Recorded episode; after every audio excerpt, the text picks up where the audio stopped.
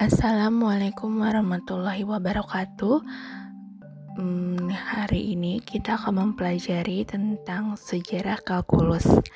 Nah, tentu kalian tidak asing dengan kata kalkulus karena kalian telah mempelajarinya, yaitu tentang limit, turunan, dan sebentar lagi akan mempelajari tentang integral. Lalu, bagaimanakah tentang sejarah kalkulus? Kalkulus berasal dari bahasa Latin yang berarti batu kecil untuk menghitung. Kalkulus merupakan cabang ilmu matematika yang mencakup limit, turunan, integral, dan deret tak terhingga. Dan untuk kelas 11 sendiri telah sampai pada limit dan turunan. Sedangkan integral akan dipelajari pada bab selanjutnya. Kalkulus merupakan ilmu mengenai perubahan sebagaimana geometri untuk mengen mengenai bentuk dan aljabar. Kalkulus ini ternyata banyak sekali aplikasinya dalam kehidupan sehari-hari. Tentu anak-anakku telah mengetahui bahwa matematika itu memang dekat dengan kehidupan kita. Salah satunya adalah kalkulus. Kalkulus ini merupakan pelajaran yang secara umum dinamakan dengan analisis matematika. Tentu telah kalian rasakan ya uh, setelah mengerjakan tentang limit, ya kan? Nah, sejarah kalkulus sendiri kita mulai dengan Sir Isaac Newton.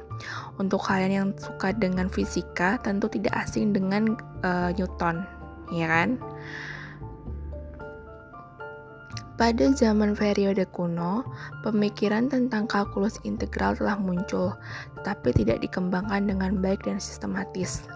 Perhitungan volume dan luas yang merupakan fungsi utama dari kalkulus integral telah ditelusuri oleh Papirus Moskwa Mesir, di mana orang Mesir menghitung volume piramida terpancung.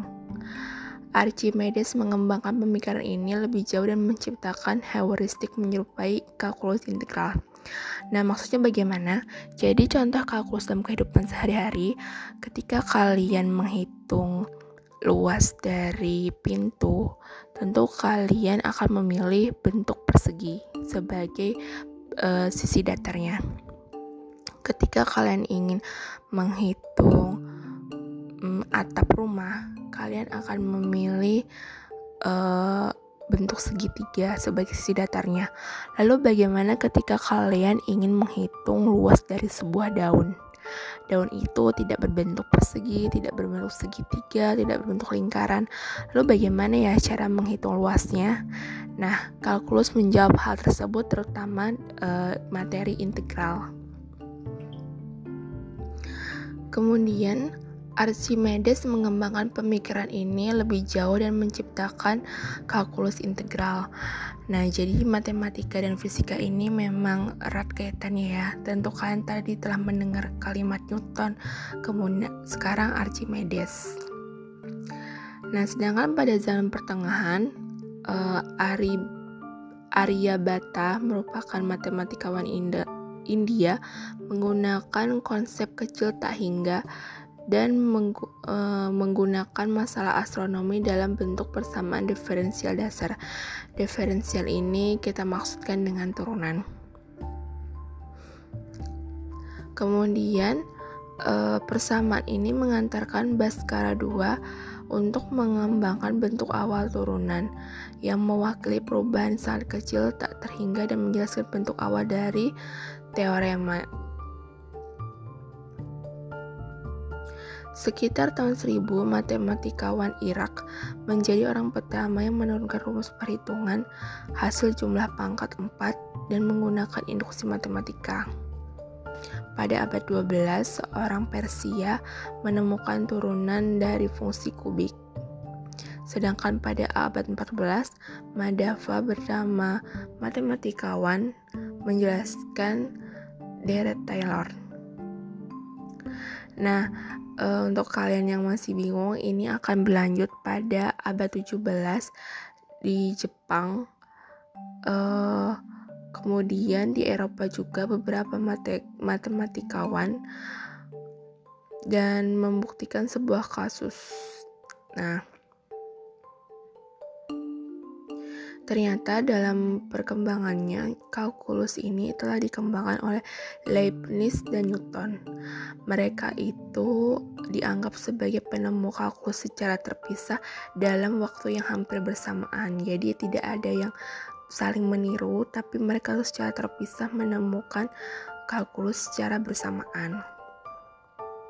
Ketika Newton dan Leibniz mempublikasikan hasil mereka, timbul kontroversi mana yang lebih pantas untuk menerima penghargaan kerjasama atas mereka. Nah, kan tadi sudah disampaikan bahwa mereka itu bekerja secara terpisah, sehingga para matematikawan ini bingung mana yang lebih pantas untuk menerima penghargaan. Newton menurunkan hasil kerjaannya terlebih dahulu, tetapi Leibniz yang pertama kali mempublikasikannya. Newton menuduh Leibniz mencuri pemikirannya dari catatan yang tidak dipublikasikan yang sering dipinjamkan Newton kepada anggota Royal Society. Pemeriksaan secara terpisah menunjukkan bahwa keduanya bekerja secara terpisah dengan Leibniz memulai dari integral dan Newton dari turunan. Nah, jadi sudah ini ya sudah terklarifikasi bahwa mereka memang mengerjakan terpisah di mana Newton ini mengerjakan turunan sedangkan Leibniz mengerjakan integral.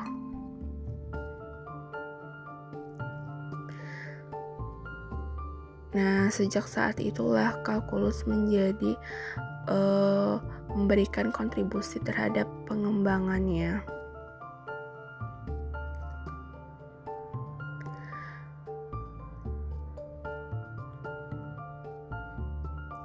Nah, lalu apa sih pengaruh penting dari kalkulus ini? Konsep kalkulus telah dikembangkan oleh Mesir, Yunani, Tiongkok, India, Irak. Kemudian juga telah dikembangkan di Eropa, memberikan pengaruh terutama kepada fisika. Nah, jadi di sini saya ingin mempertegas bahwa matematika dan fisika ini saling berkaitan. Jadi mereka saling bahu-membahu dalam mengembangkan pengetahuan. Seperti ketika kalkulus diferensial atau yang telah kita kenal dengan turunan, ini telah meliputi perhitungan kecepatan, percepatan, kemiringan, dan optimalisasi. Sedangkan integral penghitungan luas yang telah saya sampaikan tadi seperti luas dari daun, volume seperti volume gentong, panjang busur, pusat massa, dan selanjutnya kalkulus mendapatkan uh, apa ya mendapatkan pemahaman mengenai ruang dan waktu. Dan selama berabad-abad ini, para matematikawan memecahkan seperti pembagian bilangan dengan nol ataupun jumlah dari dari tak terhingga. Kemudian menggunakan kalkulus sebagai solusinya. Sedangkan dalam bidang fisika, kalkulus juga dapat ditemukan dalam listrik dan magnetisme yang digunakan untuk mencari total flux dari sebuah medan elektromagnetik.